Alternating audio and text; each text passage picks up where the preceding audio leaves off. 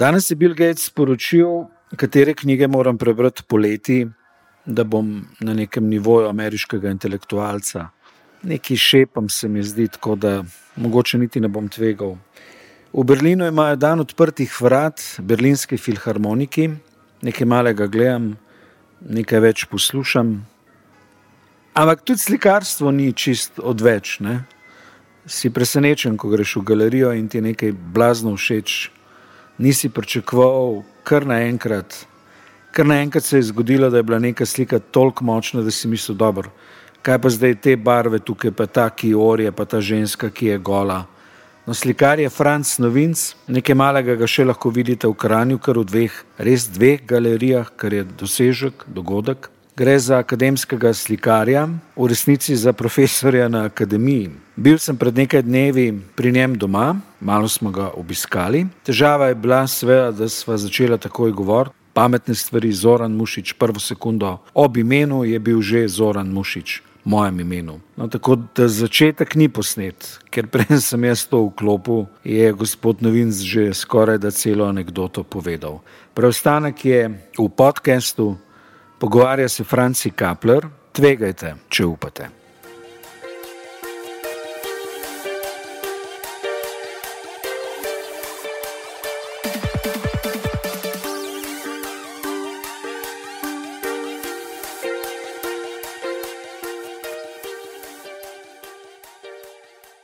Dva človeka. Ja. In sta imela, sta potrkala, pa sta imela tako klobuke dol, sta jih držala. In rekel, mušič, takoj sem spoznal, da sta dva taka poštena človeka. In sta rekla, mi dva sva bila skupaj z vami zaprta, oddahnilo in vi ste narisali vsak moj risbo, in zdaj bi pa ti risbe vam prodala. In jih je kupil od njih, bila sta pa Miša. Ta. A Miša? Ja. A tudi v Evropi so bili Miši? Z Amerike sta prišla. A, sem. tako. Ja. Tako eh, sta bila fajna, pa to, ki jih je lepo opisal, ker oni imajo tiste klubuke, ne pa tako so skromni, tako so skrbi. Le, lepi ljudje so. Ja, ja zelo umirjeni, pa taki. In to se mi tako fino zdelo, da, da sta shranila, pa da je on kupil, pa da sta dolgo časa to držala, pa to postega pa poiskala. Zdaj je bilo to lani, ali leta sem bral delo. Ja. No, ampak tiste risbe so bile potem zelo veliko vredne. Ne? Ja, seveda. Ne. Drugač pa prelek ste omenili, kako so ga ponarejali. Jaz poznam tega človeka, ki je ponarejal in ta človek ne zna ne risati, ne slikati, pa govori, da ima akademijo, pa je nima. Na šolo za oblikovanje hodil, jaz sem bil v četrtem letniku, ta človek je bil v drugem letniku, pa so ga ven vrgli iz šole, kjer je kadil med poukom, pa tako, pa tako le noter je prišel profesor korigirati, da, da odkoli noter v žep cigareto, pa se bo začel je rekel profesor, paste, da se novte zažgal. In takrat, ne, ki bo tako predrzen, so ga vendar pa je šel na Dunaj, pa je pa rekel, da je gor akademija naredil, pa so se neki tužili, hudeček, pa oni, pa televizija, pa to. Oni je sam blefiral, ne take ponarejo, ponarediti pa tudi znovni, zato ker ne znova, ne. Bil je pa izučen zlatar, živi, živi pa tam v Savinski dolini, je pa Andrej Ajdič. Ampak v srečo je pa po drugi strani veliko ljudi, ne, ki so si želeli za malo denarja na videz dobre slike. Ne? Ja, ampak on je zelo slabo ponarejal. Zelo slabo, jaz sem te ponaredke videl. In pol, ki je policija to odkrila, so poslali mu še čo te slike, ali te brizve, se pa eh, neke ne pastele so bile tudi. Pa je napisal čez mušič, ogaben ponaredek. Pa je nazaj poslal. Ne, pa je pa policija to eh, se k njemu napotila, je pa javil in je ta vse te stvari vrgel na ogen. Na hitro. In da niso mogli več prijeti. A, tako. Ja, ja. Ne, ampak ti ponaredki se vse čas pojavljajo. V Ljubljani je tega veliko. Ne? Če se spomnite, ja. Salvador Dali je kar naenkrat bil množično v Ljubljani. Pa če se spomnite tiste razstave, ki je bila od Picasa v Ljubljani. Tista gospa, ki je trdila, da je bila njegova ljubica. Tisto je bilo problematično. Pa futuristi italijanski tudi. Ampak gledajte, lansko leto sem bil pa v Italiji, Ja. v, se pa, v Trevizu. V Trevizu Ja. Je bil ponaredek enega slikarja. In vsi so vedeli, da je ponaredek. Ne? Pa so vsi gledali. Eh, Ne, ne, samo mi smo prišli iz Slovenije, ker smo imeli enega izvrstnega slikarja, ki nam je razlagal, kako so originali, pa kaj je take ponaredke naredil, na robe naredil. Ne? Ampak razstava je bila pa normalno razstavljena, karte so prodajali in ti človek, ki je trdil, da so to originali, to je bil en angliški umetnik, je, je do konca trdil, da so originali, bil je samo njegov ljubimec, drugače pa je rabu za pokojnino. Veste, ki je Goebbels je zelo zbiral slike, pa Gering.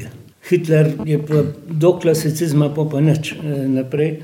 No, in Gering je kupoval Vermeerja, velik, nekaj takih slikar, pa malo njegovih del je, pa še par takih.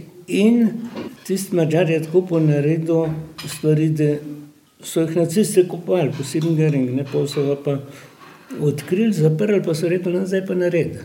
Še eno tako. Aha. In je naredil tako, da ne bi verjel, nekako kvalitetno imenar, pa so ga vam potegnili, pa ustrelili. Lihtko. Ja. Jaz sem pa govoril s tole, sem jo učil, ki je nazval za filmiško varstvo, sem rekel, kako je zdaj s tem lem. Sem ponarejen. Rekla, tu imajo zdaj Avstrijci v rokah, ne Ljubljana so delali, pa so ven lifrali, pa tako naprej. Je rekla, ampak pri nas ne zakona in jim nič ne moramo. Nočejo nič, ne? drugače bi bil zakon. Ne? Pa tudi strokovnjakov nimajo takih. Tako, ja. Ker ti strokovnjaki so taki, da boljši so zmeraj po en za enega slikarja. V svetu je odločujoč, recimo, en za Leonardo, en za Gogena, en za Picasso, pa tako naprej. In enkrat je en pa niso hmenjenega Gogena.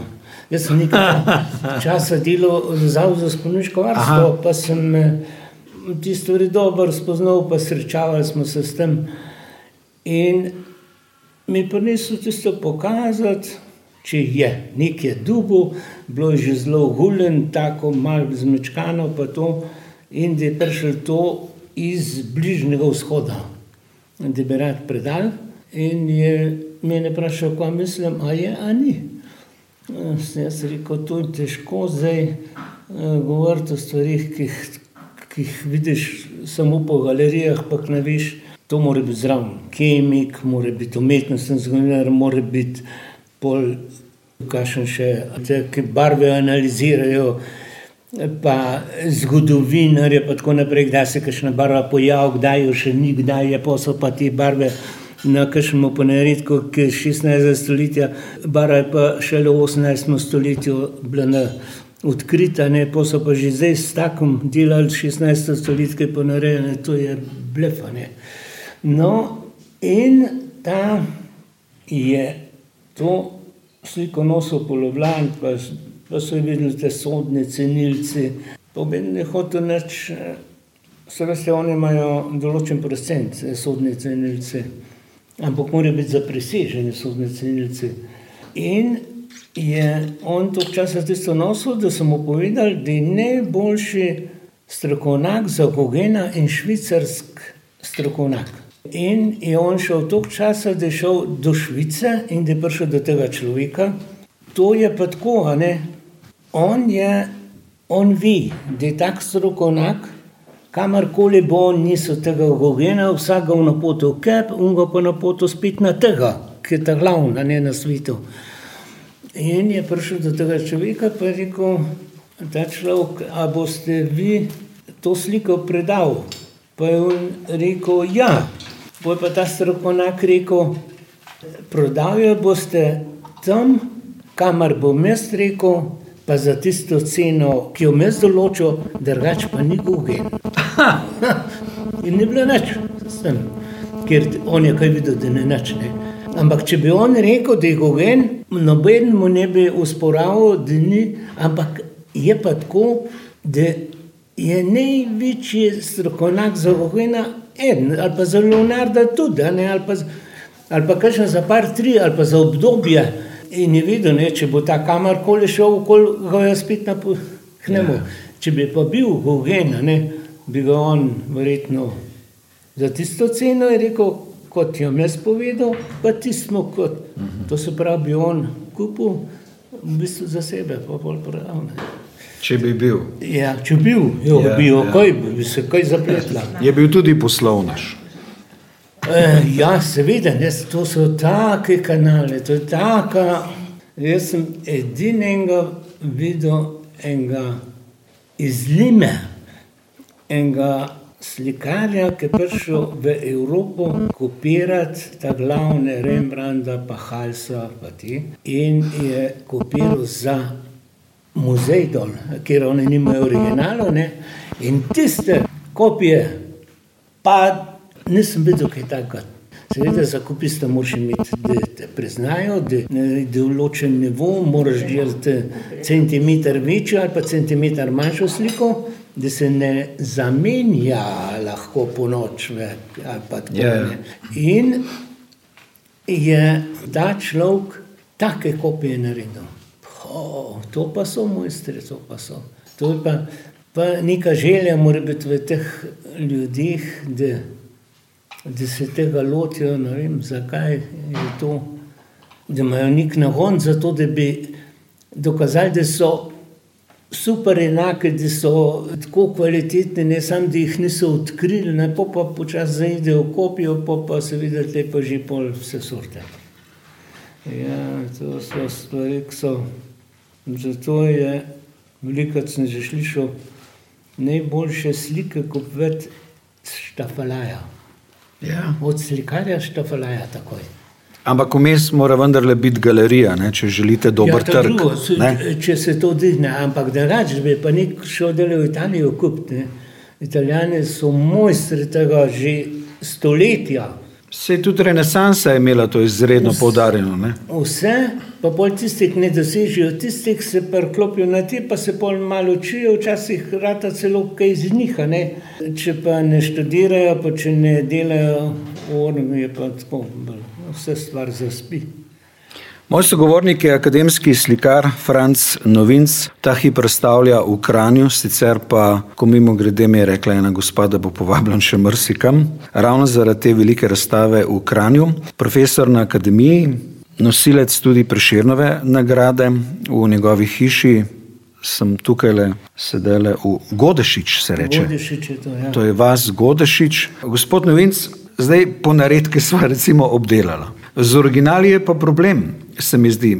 Originalen pa po mojem ni tisti, ki dejansko neko sliko, ki jo on naredil, pokaže razstavi, ampak ki naredi umetnino, ki je originalna, ki je dejansko originalna. In ko sem gledal vaša obdobja skozi vaše življenje, se mi je zdelo, da ste zdaj v, v zadnjem obdobju, v zadnjih letih, daleč najboljši slikar v svoji slikarski karieri. Naravnost fantastičen. A se vam zdi, da je možno misliti, da so bile prejšnje faze vaše v bistvu priprava na to barno eksplozijo v zadnjih letih? Mm, mene so barve zmeraj navduševale, posebno navdušen sem pa bil, ko sem še hodil v osnovno šolo, ko sem videl v Škofijo Loko nogometno tekmo, prvo. In ene so imeli rumeno-zelene drese, ene so pa imeli rdeče na tej travnati zelene površini. Mene je to tako presenetilo, ti barvne pike noter v tej zeleni. To je neverjetno učinkovalo na me, kako barva lahko spremeni vse skupaj in kako je barva močna, lahko je čez prazna lahko je pa nosilc vsega. Sam barva je prirojena človeku, so pa stvari, ki so lahko barvne, pa močne, pa vse, pa je vse prazno. Barva ne nosi življenja. Ne? Zato so te velikane slikarstva, kot je Van Gogh, pa kot je Picasso, pa Mane, pa ti taki lepi slikari, ki pa njih je barva pripovedna in dosežejo pri teh stvarih, da se barva ne vidi več kot barva, ampak da je duhovni izraz nečesa. Tiskati barva dobi duhovni izraz, je v bistvu vse doseženo. Če pa tega ni, da je samo dekorativno, pa da je samo rdečo, pa zeleno, pa konc, pa nekaj, pa nič ne to ne daje, tega izžarevanja ven, pa je z barvo konc.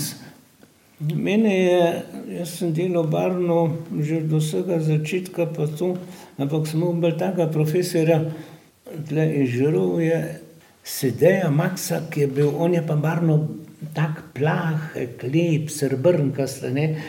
In je vsaka barva, če jo dal tako, dajte majčkeno bolj nežno, majhno bolj tako zmeraj, je nas nazaj držal, da nismo šli v ne. Sploh je slovensko slikarstvo ni tako močno v barvah, kot kakšni Francozi ali pa Američanci ali pa Španci. In to se je pol pri meni sprostilo. Se spomnim, pol sem delal že kar v barvah, pol sem pa malo zabremzal stvar, pol je pa rekel ta kritik, Aleksander Basin, je rekel: "Jaz se barvi ne bi odpovedal." Me opozoril in tisto, ko sem se pa pol bolj odprl v barvo pa tako naprej, saj. A je res, da imate slikarji izraz čiste barve? Namreč nekdo mi je rekel, da, da, da ste vi uporabljali čisto barvo, za razliko od ostalih slikarjev v šestdesetih, sedemdesetih letih, ki tega v Sloveniji niso počeli, in da je bila to vaša ključna inovacija v bistvu. Te barve so lahko čiste, pa so dobre, pa nosijo življenje. Lahko so pa čisto dekorativne pa prazne in so v bistvu samo barvni fleki, nič ne dajejo. V tem je razlika, ne. Zato so tako močni ti koloristi. Ko bil na akademiji, ne, zdaj že ene par let nisem, je bila vsako leto ekskurzija po teh največjih galerijah. Od Prada, Španije do, sem jih videl in v Moskvi in, vse galerije, Švicar je imel ogromno, Američanci imajo tudi, ko te barve zaživijo, ke dobijo duhovno sporočilo. To je pa slikarstvo pol. Ko enkrat človek vidi slike Clauda Moneta in slikarjev okoli tega obdobja, v bistvu nobenega obdobja več ne sodi kot višjega, boljšega, enakovrednega. Enostavno imaš občutek, da si najboljše slike videl, zdaj se pa slikarji trudijo, trudijo, trudijo. Ja, včasih je kakšno obdobje čisto tonsko, ne, ni barvno, to je svetlo, temno. Recimo Rembrandt je, ni kolorist v tem smislu, da bi, ampak z drugimi stvarmi doseže to psihologijo slike izredno močno. Recimo Francozi so pa, to je pa poezija taka, to slikarstvo je pa tako lepo, da ga je kar nevarno gledati. Ampak kako ste se, ja, kako ste se pa vi umeščal v te umetniške tokove v Sloveniji, ki so bili ves čas nekako up to date, da rečem, ne. Gledano zdaj nazaj, so bili ti slikarji vedno moderni, so bili v, v stiku s svetovnimi trendi. Vi ste bili pa vseeno svojo pot izbrali. To je bilo nenavadno v bistvu. Ja, Tudi tveganje malo, ne. Najtežje je to. Ja. za tako dolgo časa nič ne moreš, pa nič ne, pa tudi če delaš, pa ni tiste kvalitete, da prebol pa, to je zelo težko priti do tega, da malo opozoriš, posebno če si takole na deželi.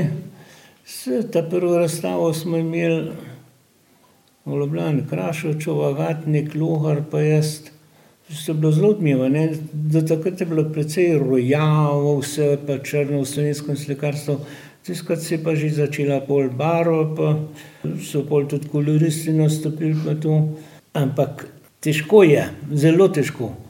To je zelo težak poklic, zelo dolgo moraš delati, veliko moraš delati, pa še ni uspeha, ne, pa so razne stvari take, da bolj motijo, kot koristijo.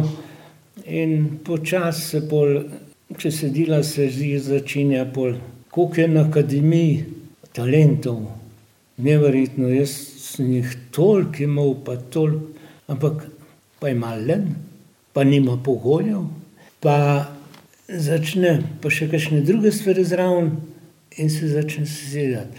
Zelo nevarni so talenti, ki so domišljavi, ki so eh, taki, da vse znajo, eh, druge sošolce dajejo nič, oni so najvišji, najboljši, ne delajo, samo zabavajo se in pol ga ti prihitijo, ti ta pridni, potem se pa stvari popolnoma zasukajo in ta človek pride v tako krizo in je, ne bo to lahko tragedija, tako so ti stvari močne, ne.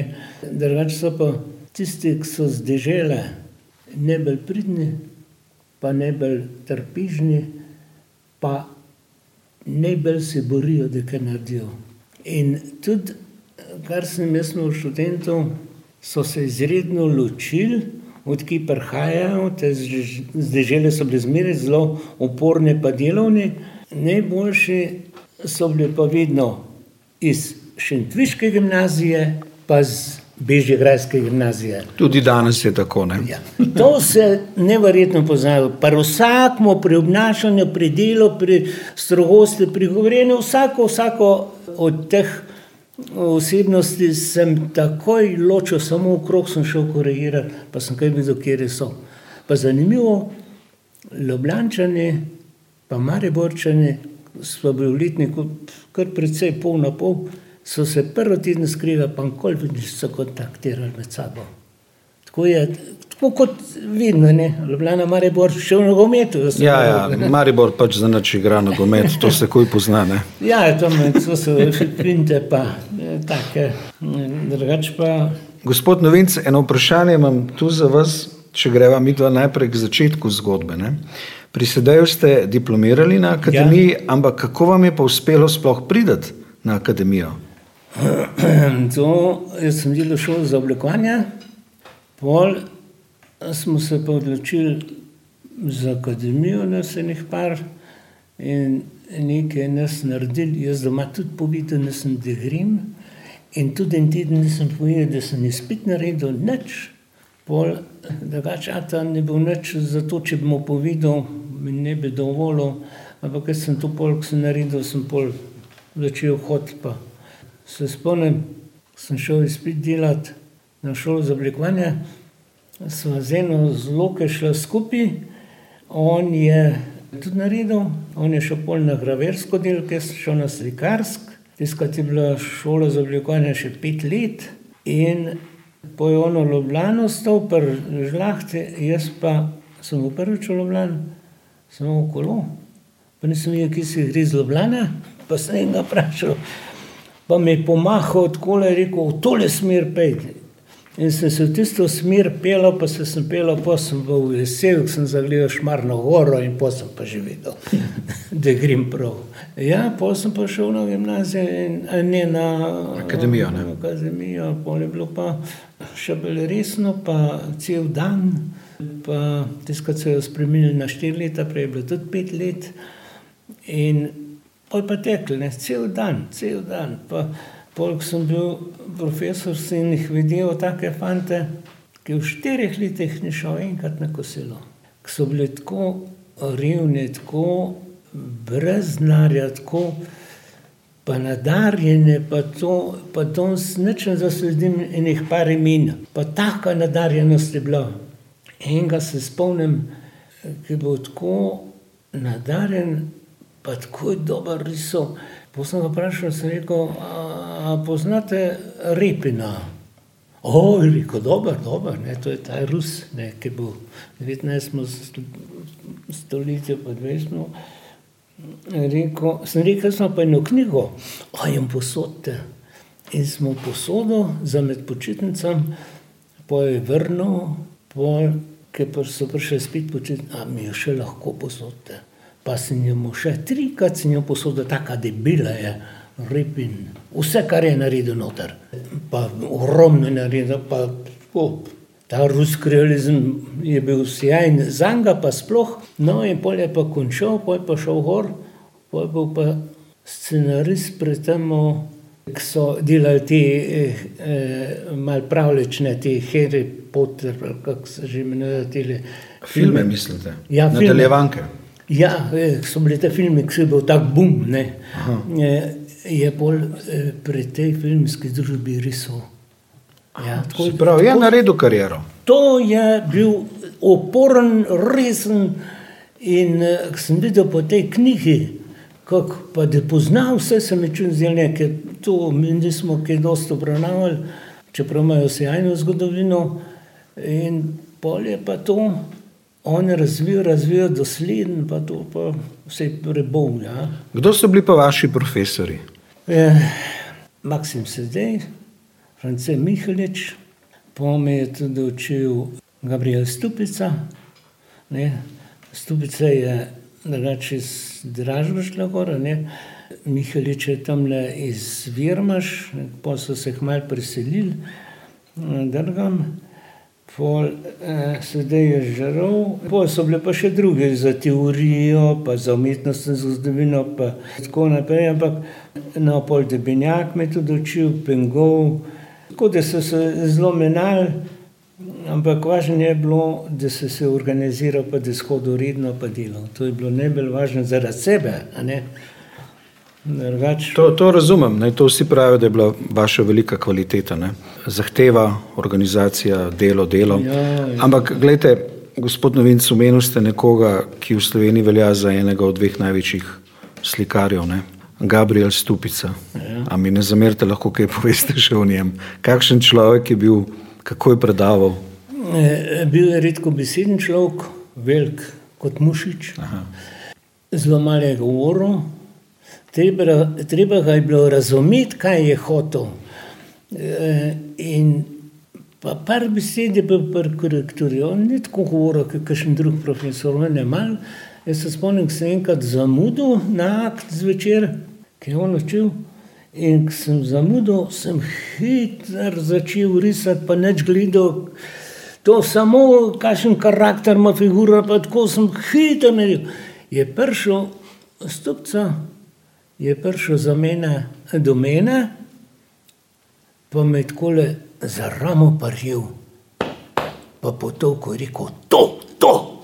Pa šel naprej. In tiskati sem jaz videl, če bi en mi knjigo bral, pa ne vem, kaj vse ne bi bilo to kot ti, par besed, pa to, točen sem videl, zakaj in točen sem pol eh, premislil, kako mi je to uspelo, ne, malo je bilo sreče, malo je bilo to, to sem bil tako zabremzan, da se sem hitro sprosil, da mi ja nekaj naredil in sem hlastal sam po karakteru figure.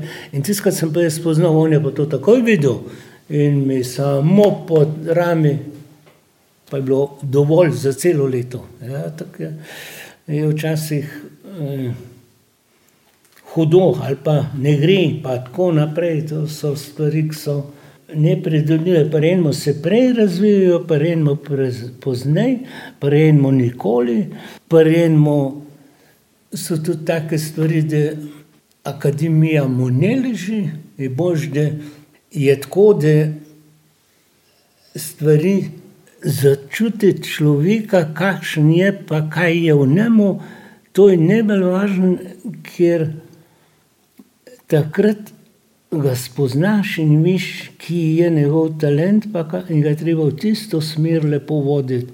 Ne da bi ga učil, ne vem kako, tako kot je oče za svojega sina Pekasa, ne za Pablota, ne to naredil, ki je videl ne akademije, stran akademije okrog, samo on je bil profesor, je videl, poznal in ga je, če bi ga pa dubil en tak v roke, ne da bi ne bi spoznal tega človeka, pa ne bi, pa ga neki silo, neki akademizem, pa to bo uničil. Tako se je zgodil malo s temi prijevci. Skakavci. Razumem, ampak ne bom šel v to smer. Vleče me v tole vašo risbo. Tega ja. ne razumem. Ko ste bili v Himalaji, Ja. Ste risal fantastične risbe in vsi govorijo, da ste vrhunski mojster risbe. Na razstavah vidim pa barve, mojstra kolorista. Kje so risbe? Tle so zbirali ta Muhovič je zbiral risbe, ker je tudi pisal. Mene so prosili, naj Muhoviču rečem, da je brat videl, da bi on pisal. Zato še ni pisal za te prišljene nagrajence. Sem rekel, bom rekel in Muhovič je bil vesel in tako je začel. Potem je bil, prvič sem bil od tega Peternela, to je pa tle z Poljanske doline in je potomc Ažbita. In sem ga videl, kako on to vidi. Kak, takoj. Znal tako zbirati, pa je bilo tam na, na sto, stotine risb. To, a ne kako je šlo. Neverjetno, kako je hiter videl, kaj je dobro, kaj je, kako bi pa tako naprej. In sem videl, da je to. No, in so oni pol zbirali in tako naprej. In, eh, postavili so pa tako, jaz sem rekel, da je tako postaviti, kot mesto v ateljeju, ki je bil Arnež velikrat pri meni v ateljeju, pa Muhovič je bil eh, ne dvakrat, ta petenel pa ne, enkol, in zdaj prvič prišel k meni in enkrat pridemo tle domov, zdaj, a ne, ki že razstava in tam na pragu zunaj se pojavi tista knjiga. Ta velika. Nič ne vem, kdo je prinesel, noben se ni javil, doma smo bila, ona je bila na vrtu dol spodaj, jaz sem bil v teju, vrata so bile odprta in ta knjiga se je pojavila zunaj vrat. In še zdaj ne vem, kdo je to prinesel, to pa zgleda, da je en, en danski arhitekt, nek po načinu sem videl, da je to ena taka knjiga, motor, ne vem, kdo je me prinesel. Se pravi, pravo darilo. Ne? Ja, pa tudi eh, poučno, eh, ena taka pokrajina so pa ena taka, po mojem, to arhitekt, ta človek. Oh, je težko. Joj. Verjetno duhovno globoka, ne, ki je to težko. Ja, pa take wow. fotografije, neverjetne, papir, tako odličen, tisk odličen. To je vaš občudovalec, verjetno. To, ne vem, kdo mi to prinesel. In je zelo blizu eh, arhitekturni risbi, pa močan kolorist, nevreten, odlične, tudi črnovile so fajne. Tega moram zdaj odkriti, kdo je. Pa naj drugič pride še steklenico. Zdaj on je verjetno čakal ali pa iskal me. In ker so me iskali iz Maribora, pa so tle vse pregledali, vse, pa doma smo bili, pa mi so najdel, ker tle dol spodaj je breg, ona je bila pod bregom. Ja, to ni važno, to zdaj In, ni važno. eh, no, kar- To ni važno, če gospa gledala. Ne boste. Gospod Novinc, ja. eno obdobje v vašem življenju me tudi posebej zanima, alpinizem, Himalaja. Kako je vam uspel priti v to velikansko ekipo alpinistov, ki so z Andrejem Štremflom ne, in Nejcem Zaplotnikom potem uspeli priti na Mont Everest? Bil je razpis za to ekspedicijo, a ne za to, za razpis Everest. In jaz sem bil eh, z enim velik skupaj, ki je bil tudi alpinist, ki je bil dekan pedagoške fakultete. Pa smo skupaj telovadili, v bistvu futbol igrali, pa tako naprej. Pa, v glavnem je bilo ne sedem dekanov, pa na enkog ministrov. Pa smo igrali futbol in tako navar, to je Brto Daleša, je rekel, ti je pa razpis, za, če se už kaj javil. In se sem javil, se si jih je ogromno javljalo, vseh vrst, eh, tudi kaj je s tem, vse. In so me izbrali. Ampak zakaj so vas izbrali? Ne? Jaz sem prebral, da ste bili izbrani kot alpinist. Ali je to možno sploh? Ne, jaz sem bil izbran kot slikar, ki bom risal, in mi je škarja povedal, to je bil vodja, da bo on izdal knjigo, ne jaz čim več rišem, in da bo on te stvari noter uporabil v knjigi, in je pol tudi nekaj reproduciranih. Potem sem naredil enega Avstrijca, tistega sem pol še doma delal v barvah. Imam skoraj gotovega, no, njih čist še ni, Za razstavo so ga tudi zbrali, pol je pa bil sam portret, tako pa ga pol niso dali. Je v depoju gor v Kranju, so pa rekli, da ni čim več naredim, pa pol, ko je ta knjiga izšla, je izbral tisti urednik te risbe, ker gor je bilo že tako mraz, da nobene barve niso več mogle živeti. Recimo sem akvarel delal, pa je bilo toplo, če tam sonce posije, tako močno sonce, v trenutku toplo, lahko je pa v trenutku dvajset pod nulo, štirideset pod nulo.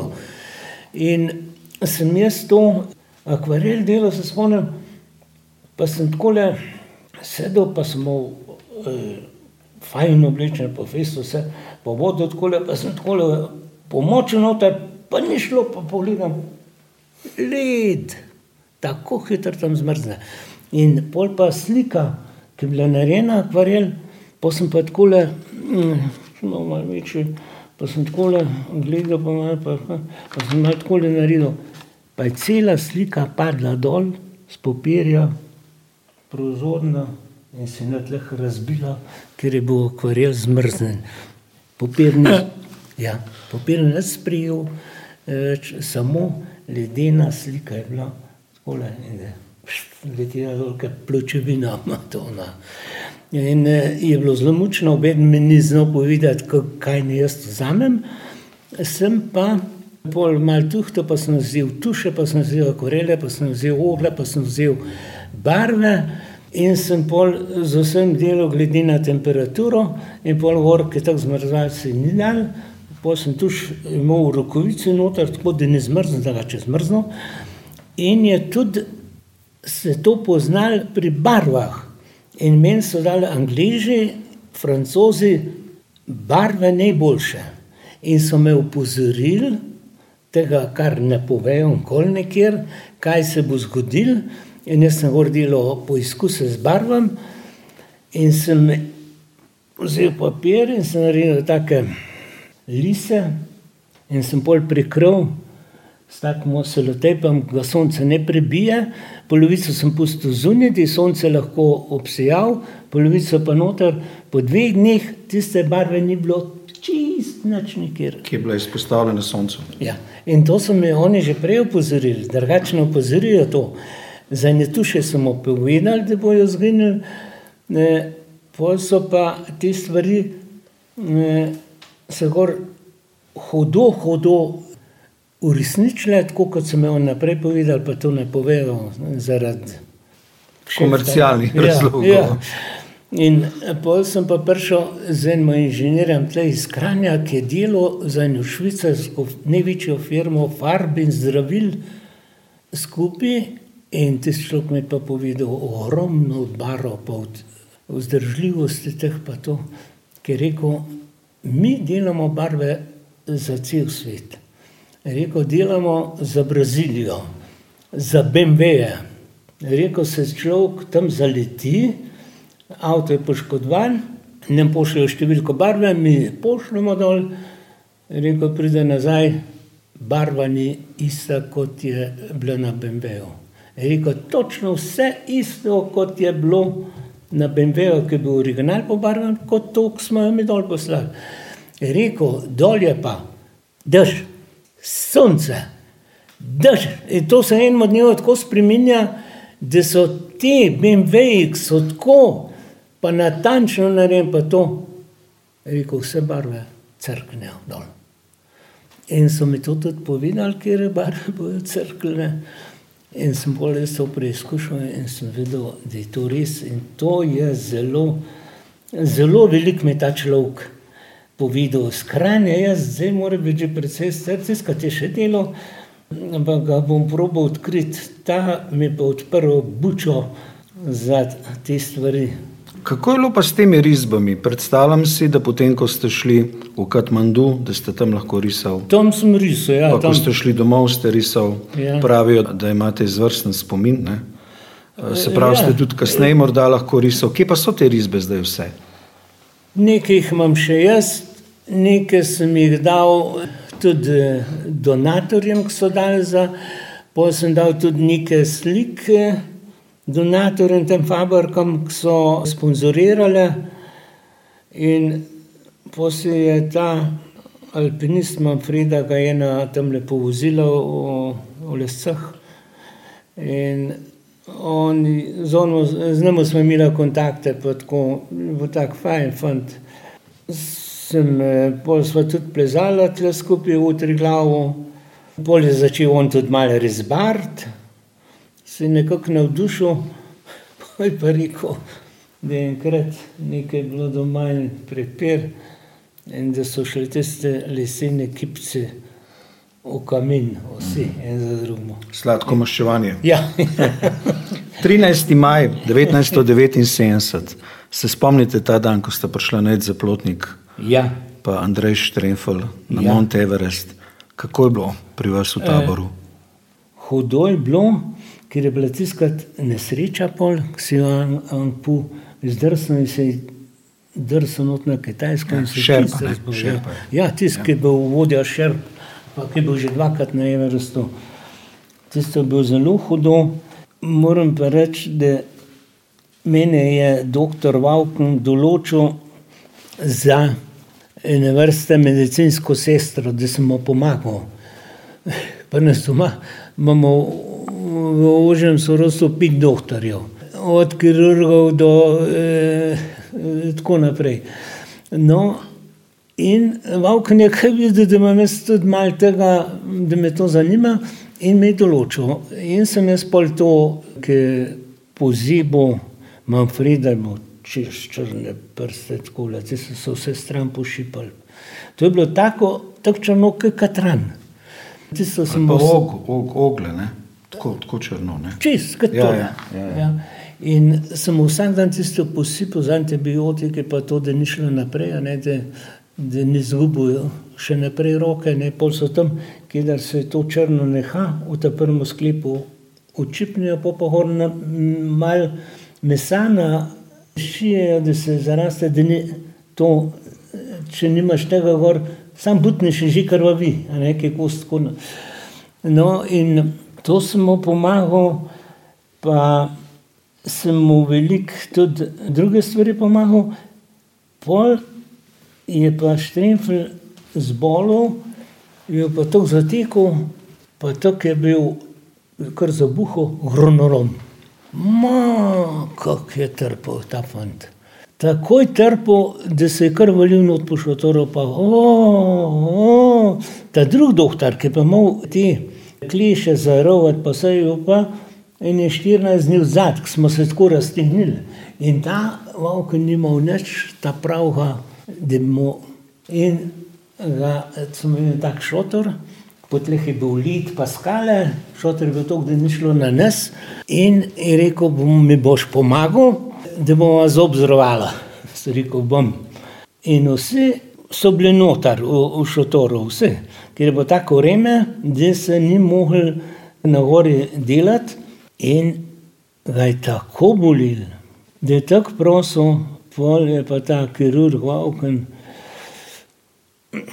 začel z drugačnim urodjem kot zubi, ne, ki tisto je bilo vse od zadnjega. Za žeblje mogoče. Ma, tako je jamro, Vauken je bil čist moker, ki se je tako matro.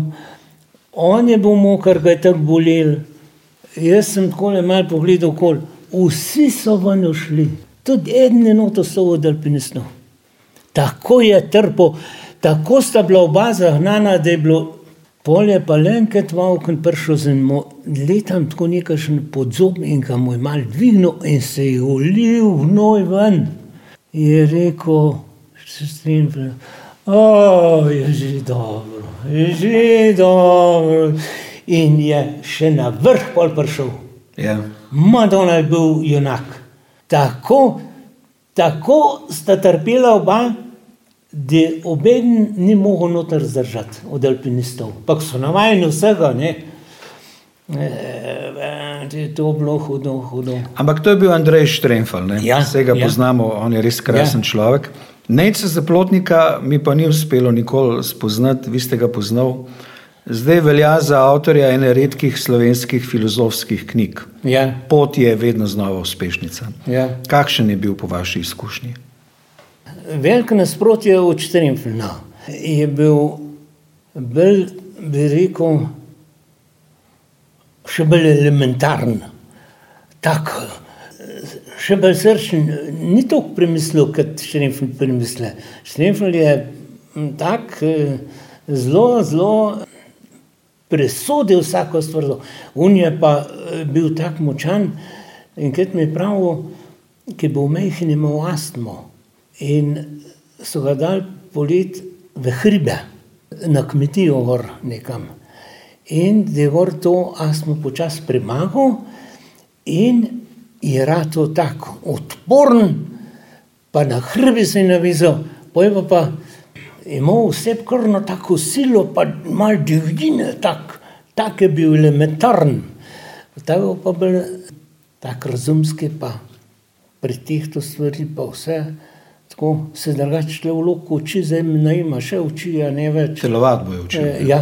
Ja, ja. E, brat je bil pa bolj, bolj umirjen njegov, ja, on je pa bolj bil, tudi ni bil tako močan. Andrej pa, hmm, Še zdaj je močan Andrej. ja, ja. Moj sogovornik je Franc Novinc, akademski slikar, tudi profesor na akademiji, čeprav razumem, sedaj je že upokojen. Ne? E, Ja, zdaj sem že par let, eh, sem nekako eh, sem hotel že prej. Je obvezel, pa sem enkrat z enim umetnostnim zgodovinarjem govoril, ki je hodil, eh, ki je tudi veliko v hribe hodil, pa veliko eh, je vse poznal, pa tudi v raznih ekspedicijah je bil. Sem rekel, jaz bi kar šel, da bom malo delo zase. Rekel, povem ti, čim dlje bodi z mladimi, tem boljše to. Tudi za njih v vašem primeru. Ne? Ja, tako smo se povezali in moram reči, da imamo nekaj časa, kar dolg čas pol po teh ljudeh, kjer te mladi ljudje prinesejo nekaj sabo, če odkriješ, pa še to njim, pa še sebi, ta, pa če ta ustvarjalnost zaživi, to je pa najlepša stvar. Gospod Novinc, enega obdobja v vašem slikarstvu ne razumem, zakaj ste šli v pop art. Jaz se nisem nikoli zanimal za nobene teh eh, stilov, pa to, pa zdaj je to, pa to. Lejte, da je tizgal dol Mišelina. Znamenitega. No, no. A ja, eh, plakat. Ja. Ko pa reč plakat, Na naš- najbolj skoncentrirano govor. Pa v, To je pa žena. Ja. Tega Pop art, torej. tega- Zakaj pop art? Tega Mišelina, veste, ki je stal? Vem, vem. No, jaz sem bil v koloniji Gor Pargracu in mesec, samo krasno teli. In sem tam lahko delal, kar sem hotel, in mu rado je bilo to. Joj, kako je bilo fajn, taka teli za dva moje, teli, cela dvorana je bila v gradu. In sem tam že delal stvari, so meni pa stale, sosedovo hišo sem delal, pa take stvari, ki so potem po 40 letih spomnili na nje, pa so me zadnjič, ki je bilo v Mariboru, poklicali. Če imam še tistega mešelina, pa če imam še to, dajte, to so v Mariboru, ne, ja, ta je iz Maribora. Jaz sem ga naredil tam leta 70-72 in je stal tam zraven imamo mi travnik in sem ga jaz videl in nam je naredil tako tisk, ki je bil ogrom, pa fajn je imel to, ki oni biki tam v Španiji. Ne. Samo oni so bolj simbolični, pa bolj španski, ta je bolj francoski, pa to, ampak sem ga pa spremenil, spremenil in sem ga naredil. In so te stvari pol tako učinkovale, ampak je šel čisto pozabo. Zdaj, Ne, ni, ni šel v pozabo. Ni. Po 40 letih so me poklesali za sabo. Ja. Ampak, a veste, izstopa pa tako neskončno iz vašega opusa. Ne? To, ki je Ja. nenavadna slika, to Glede, tole je pa del slike, ki je bila v Avstriji, odvignijo Ilka. Na glavju imaš. Tukaj je pa ta, ta spodnji del je fascinanten. Ne? Ja, Eh, vejo recimo, vodi. si, ja, ja, to, da Ja. si dovolite to narediti, to moraš biti že kar pogumen. Ne? To je polovica slike. Ja. Ja. So jo pa oni tiskali v Racu, ki je bila razstava 200 let, ker sem govoril kolonije, pa so mi tole sliko vzeli, pa še eno sem jim podaril in so bili obe na razstavi in obe sta bile plakatirane, ohradce, vse tole in sem bil prav vesel, da jaz mislim, da si to vse zgubil, pa da je to nekjer več. Ne, vse imajo lepo shranjeno, vse lepo. Ko sem bil navdušen, pa so pa še seveda plakate tiskali, pa še več urin. Ampak to je bila smer, ki bi vam prinesla denar, če bi šli v to smer naprej. Jaz se na to nisem nikoli oziral, kakšno sliko bom naredil. Lahko je bila naslednja čist drugačna od te, pa ta, spet drugačna, pa ta. Ampak nazadnje se pa povezava se je vzpostavila, ne. Vse slike niso bile dobre, pa nikomur nisem bil zavezan, da moram delati to pa to. To je, to je zame najbolj fajn, da si svoboden pa da lahko kiksaš, pa da lahko kaj po svoje, pa to, to pa se mi zdi zmeraj zanimivo, da so te stvari prisotne, ne. Čeprav se to maščuje, ne, pol si bolj tako malo, a si na razstavah a nisi, ne, ampak nazadnje se pa pol le poveže pa se vidi, da je prav bilo. Da ste iskreni sebi. Ja, ja, ja, to. Jelka, daj tistole knjigo ta rdečo. Tako je. Eno resno vprašanje imam še za vas, da mi ne bo ušlo iz spomina. V Kranju imate dve sliki, na katerih so roke. Ja. Roke grebejo, kot da grebejo iz groba, iz smrti. Zdaj, mogoče je to kakšna moja deformacija, čeprav je precej razširjeno v Sloveniji, ampak te grobne roke, ne, sem, enostavno je bila prva asociacija na poboje med vojno in po vojni. In si nisem mogel čisto nič drugega predstavljati, kot da ste risali smrt, ki jo imamo na naših poljih, nivah, v gozdovih. Tako močne so te roke. Jaz sem videl to, pa vas zdaj sprašujem, kaj ste narisali. Bom pokazal vam zdajle še roke, ki jih je, veliko jih je nastalo, ne, pa roke od tete, roke od moje mame in to sem jih skozi, ke je mama zvečer, ke je bila tako utrujena, zaspala, pa mi je roko takole pa takole, pa sem to risal. Teh skic sem veliko naredil, pol sem pa enkrat dal enemu kirurgu tule z Loke, jih je bil tako vesel. Pol je pa tiste roke imel, tiskati je pa Godina v svetu zelo pridobival na plastični kirurgiji in se je ukvarjal z rokami zelo. In mu je on te roke podaril.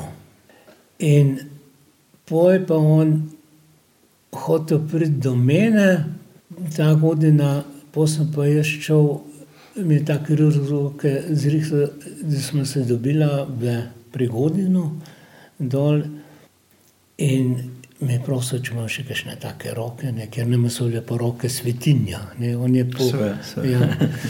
Ja. Pa še imam ene take vse že zdeformirane, strujene, in pol sem rekel, da imam še te roke, še od mame pa to, da bom lahko še kakšne dal. Pol je pa rekel: "Jaz bi se kdaj takole pridejo Amerikanci kaj v Ljubljano pa na kliniko pa to pa delamo skupaj pa to." Je rekel: "Bi mi kakšne bolj pripeljal, kakšne take, ne, ke jih to zanima." Sem rekel: "Lahko, lahko." Tiskati sem imel še en tak atelje gor na podstrehi parketi in sem to pol rekel, da lahko, ne, pride pa to, čez štirinajst dni se je pa obul. Tiskati. To ja. Se je vračal iz Zagreba, ja. Tragedija v bistvu, ne. Ja, ja. Tako ste bil, tako bi rekel, da je fizično izredno kompakten, izredno nabit, izredno zelo močan, tak, pa tudi psihično se mi je zdel zelo močan človek. No, se je pa to naredilo. So torej roke povezane s smrtjo, ali ne? To so bile mamine roke, saj jih imam še, zase jih imam še veliko pa od tete. To sem prej skice delal, pol sem jih delal po spominu in pol veliko je še nekončanega. Pa tudi očeta sem risal, ker roke so res neverjetna stvar. Pa vsak človek nima zanimivih rok, a ne.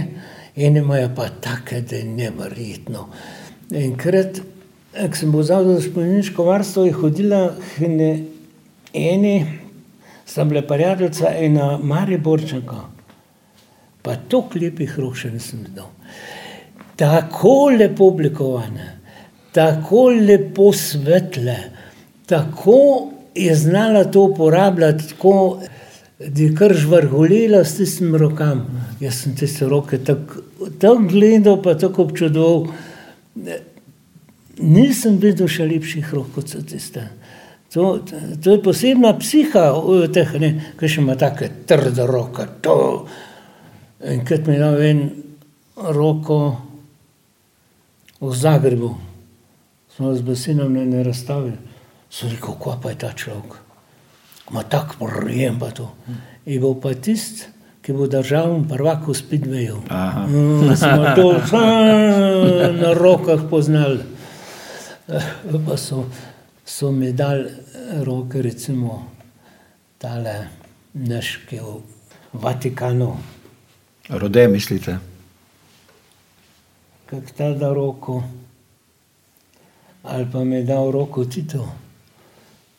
Ta tudi tako. Aha. To, to so čist druge roke, kot pri športnikih. Neverjetno, neverjetno. Gospod Novinc, na veliko vaših slikah jaz vidim travnik in to tisti travnik iz moje mladosti, ki je bil na Sorškem polju včasih. Se pravi, izredno pohteč, bogat travnik, ki je bila tista toplota nad travo gor, ogromno rož, izredno močen von. Spomnim se, da sem se valil po tisti travi zelo rad. Vi imate to na ogromno slikah, a ste tudi vi te travnike tako doživljali? Ja, pa ne znam, da smo imeli kar precej travnikov, pa to tako poznam, pa ti se toplota, pa obračanje sna, pa ni vihter približvala, pa hiter naložiti, pa to, to so bile take dirke s tem. In ti travniki so danes izginili, ker ni več, ki je umetno gnojilo. Danes na kvadratmeter sta dve, trava, trava, trava, trava pa še kakšna vmes. Ja. Sem bil pa na Kozijanskem, v Nikoloniji. In se sem kaj zapeljal v Horsko Zdansko, gor na tist hribovja, na vrhor. Tam gor so pa take položne travnike, sama roža, sam dišalja. Pa sem pa začel spraševati tam sošolca, kva pa je to? Je rekel, Evropa je dala denar, da mi neč umetnega gnojila tle navržemo in so taki travniki, ki so bili pred stoletja. Pa še živali, ne? zdaj jih na soškem ni. Pa čebele, pa vse, pa tiste škarjančki, pa vse to je povezano, to je neverjetno. Kašna, pa kašen von, pa kašna toplota, pa čist drugo. Ne? In te stvari so tako močne, da človeka sprovocirajo in jih proba dosežni na sliki ali pa v kateri koli vrsti umetnosti, zelo, zelo je to povezano. Ja, tam na Konzjanskem sem jaz neverjetno začutil to prvobitnost. Pa sem pa enkrat poslušal radio, pa je bilo vprašanje, kje so najbolj pametni slovenci. V katerem delu Slovenije? Ja. V Argentini, verjetno. Ne. Cleveland. Ne. ne. V Sloveniji. A, v Sloveniji, ja. ja. Težko In, ja, jaz tega nisem videl. Pojlo pa odgovor, pa je bilo resno oddaja na Kozjanskem. Na Kozjanskem. Tam so rojene take ljudje, pa tudi trstenjake tam rojene, pa tako tudi. In ko sem jaz bil dol, sem to začutil, da je ena taka klima Pa sem pa takoj zavrtel telefon, sem poklical šolce dol. Sem rekel, ti veš, ki so najbolj veseli, vem, brez. ja, tako sem moj fino vzel in sem to zdaj večkrat slišal, da se to je vprašanje, ampak samo tisti dol, da so kar fajn ljudi. Pa kakšne lepe strehe, malo na tem, ena taka lesena hiša, pa je imela streho in tista streha je bila cela prekrita z mahom. Tako zeleno, Posebej pa različne plasti. Ja, pa taka slika, če bi jo znal narediti, to bila neverjetno lepota. In to sem samo dolje videl, ne, to seveda, tle so pa tile fabrike, pa to je pa že drugače, pa že drugo.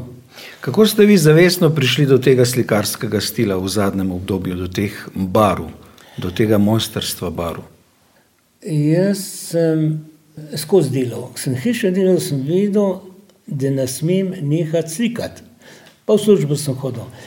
In sem vedno naredil, če ne druga, eno, dve skice, tako na papir, da sem kondicijo držal. Ne? In sem jaz tiskal ogromno skic naredil, platen pa ne toliko. In pol sem pa čas, pa material, sem pa začel pol z tega tudi delati, se bom pokazal, imam teh skic, veste, tam v Uni hiši priširjeni. galeriji. Ja. So noter tudi zadata enotna slika, nekje, nekje naslikan en, en kmet, ki je zraven pa ena gola ženska, se vam tudi lahko še tiskice. To je bilo pa tako, ko sem na to pomagal, ko smo kmete brila, razirala pa brila, pa te smo pomagal.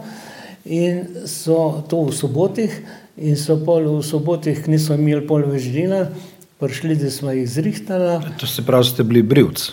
Ja, rekel, ata, ti imaš lahko roko, ti boš mi pomagal. In so pol vse sorte govorili, tam je bila pič, ki je bila zakurjena, tam so sedeli, pa možval, pa vse zgodbe, pa vse to in teh zgodb divjih, pa vsega, pa hudičev, pa vsega.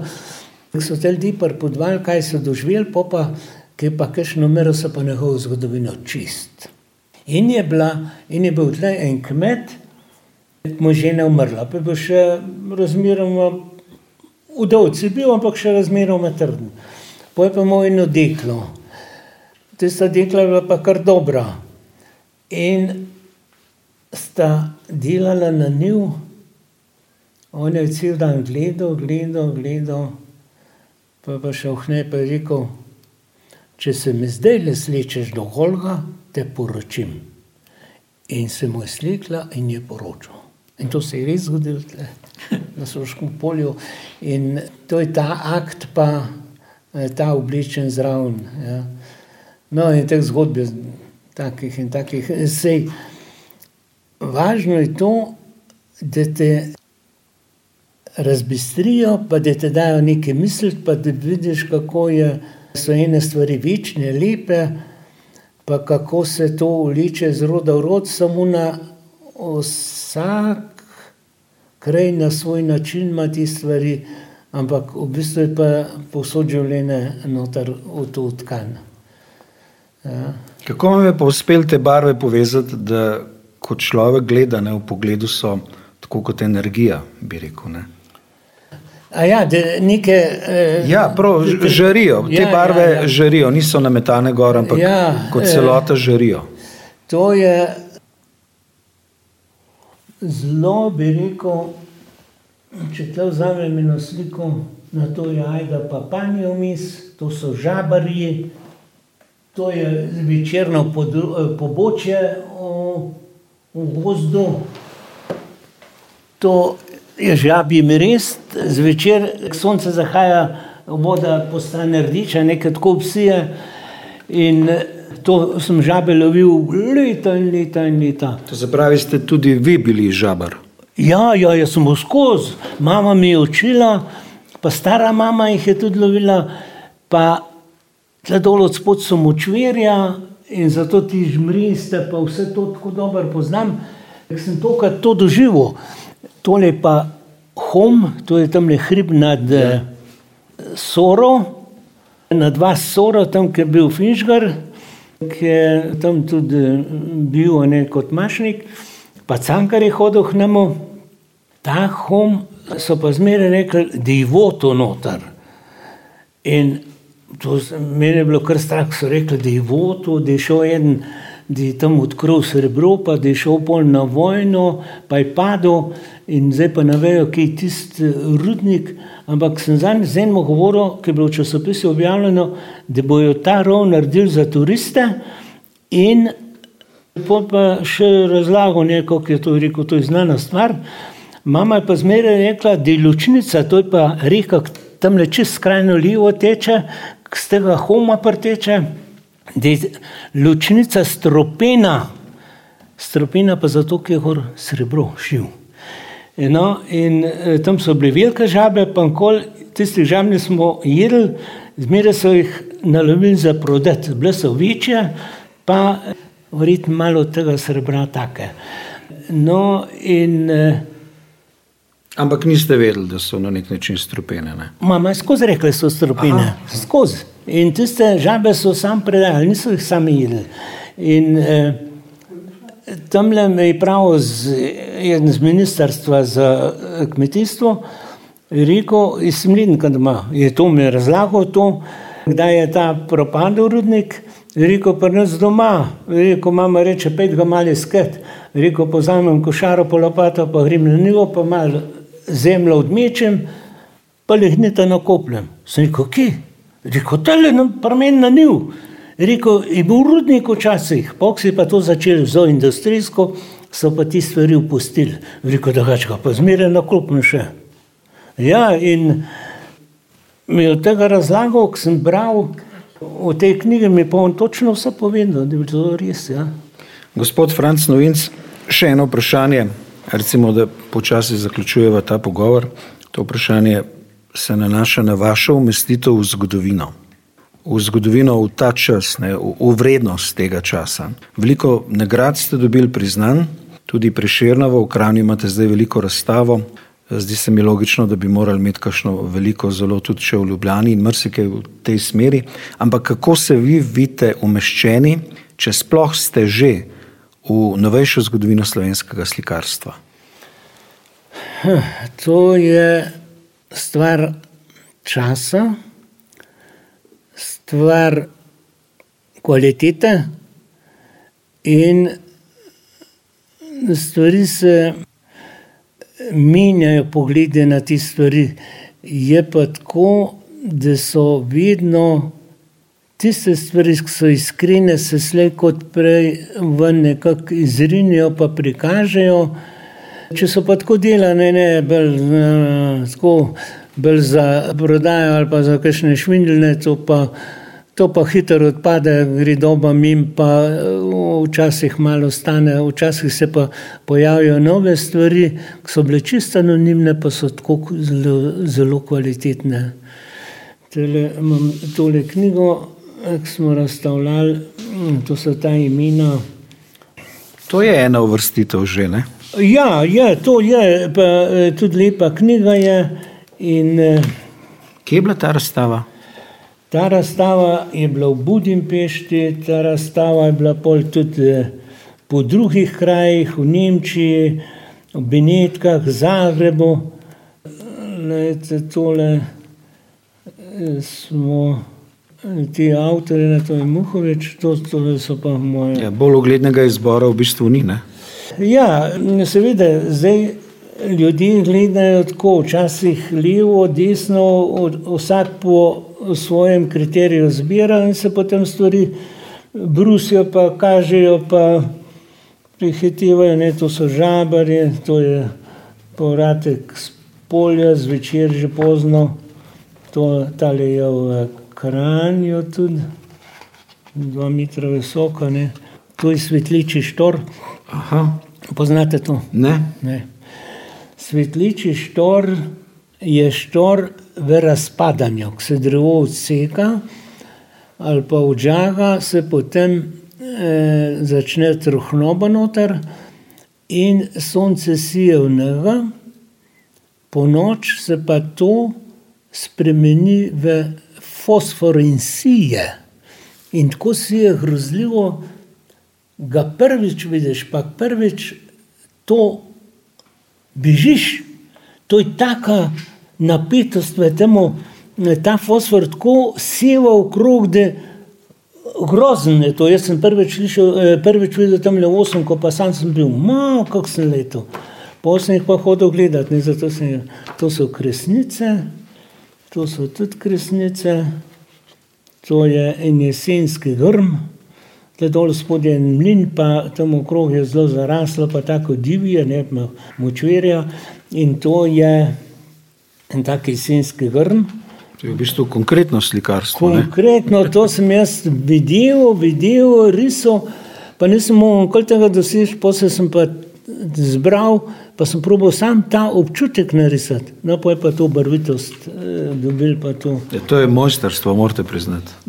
Ja, to se posreči včasih malo, včasih je treba dolg časa. Doma smo imeli čbele, ne, to mi je zelo blizu, vsi jih imajo še zdaj. To je, kako grejo čbele ven spanjo, ne. In no, to pa z, z, z Novega mesta. Zdaj pa pojmo v atelje. Ja, ampak preden gremo tja, gospod Novinc, je pa še ena tema. Na akademiji obstaja nekaj, kar se imenuje večerni akt. Ja, In tam pravijo ljudje, ki so pri vas študirali, da so se naučili ogromno, ogromno. Zdaj, po drugi strani so pa tudi interpretacije, da je bilo to tako bolj obrobo, ne, da so vas mogoče prikrajšali za kakšen drug položaj. Zdaj, ne vem veliko o tem, ampak kako ste vi gledali na to, da ste bili na večernem aktu? Meni je bilo to mesto odprto in ko sem jaz prišel tja, so mi dali večerni akt. Pol mi pa Janez Bernik rekel, a bi šel ti še kaj, da bi letnik učil do povdne pa to. Jaz sem rekel, zaenkrat bi se jaz zelo rad na akte specializiral.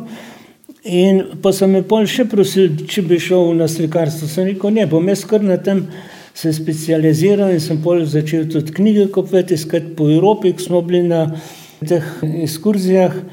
In na zadnje je pa, sem pa ta akt pol organiziral, zahteval sem prisotnost, modele so sami vzeli, če ni bilo, sem jaz tudi kakšnega v drugi ne čaka, pa kakšnega takega depoziral. In se je stvar začela precej razvijati, seveda sam vsak pa tej nalogi ni prav močan, da bi to lahko risal. Eni so slabi risarji, ampak risba mora biti pa dobra risba, da se to poveže, a z barvo, a z rastri, a s kolaži, a s čimerkoli, zato da se stvari spoznajo. Ne? Največjo, najhitreje napako vidiš na aktu. Če nisi anatomsko, dosti moraš poznati vse eh, kosti, pa to, da lahko se s tem izražaš, ne, recimo mm, Michelangelo je sam to, ne. Sam ta izraz telesa. Ne, ampak vseeno teh eh, izrazov je na milijone lahko. Ne, koliko so se recimo eh, eh, ljudje, ki so imeli eh, slabe pogoje za akte, recimo takrat, ko je bilo prepovedano v zgodovini, pa, to, pa so prav telesa naročili, da so jih jim pripeljali. ne. Truplo bistvu. Truplo, ja. Ja. In da so se iz tega učili, pa Leonardo, pa Michelangelo, pa vse to so bili tako temeljiti in da so iz tega pol naredili razno sredstvo za anatomijo. ne. Mm, To so pač različne stvari, kot je anatomija, kot je barva, kot je, mm, eh, rekel, deformacija, tista, ki več pove kot čisti realizem. to.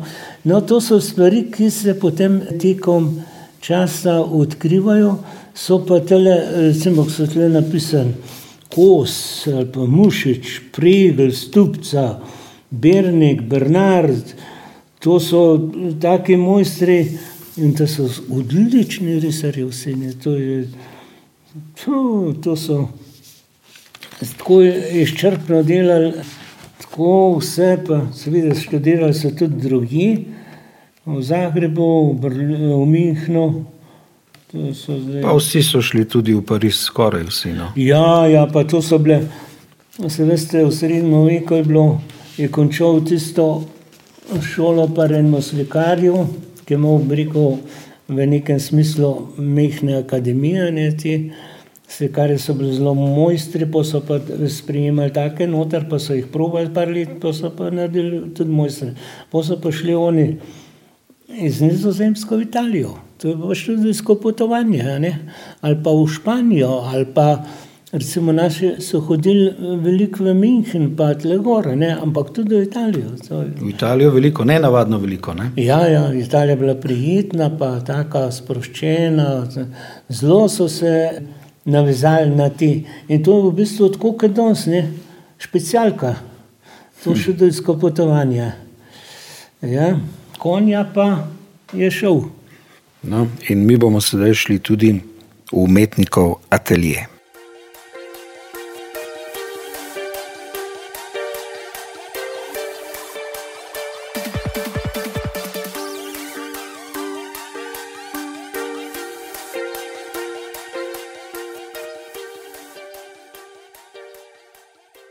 No, tako je bilo to v prelepi hiši blizu Škofeloke, vasica, majhna vasica. Franc Novinc, slikar je tam doma, v atelje me je, kot ste slišali, potem povabil. Tam smo bili kar nekaj časa še, snemal sem tudi tisti del pogovora, pogovarjanja, ampak se mi je potem zdelo bolj prav, da dialog objavimo, kolikor ga je pač bilo, ne?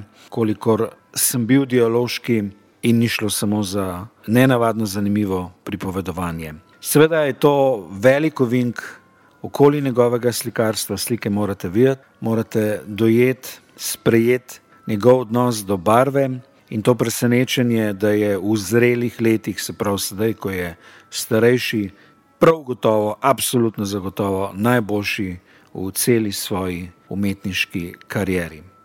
Predlagam, da se abonirate, se pravi, da kliknete subscribe. V bistvu tam piše naročnina, redna naročnina, vstopnine ni. Podcast Pogovarja se Franci Kapler ima pokrovitelja, to je založba Klopotec. Hvala založbi, hvala istoku za možnost, za priložnost. Sicer pa. Hm. ja. Vse je bilo kar dosne, je bilo kar dosne. To se mi zdi ena taka štorija vredna omembe.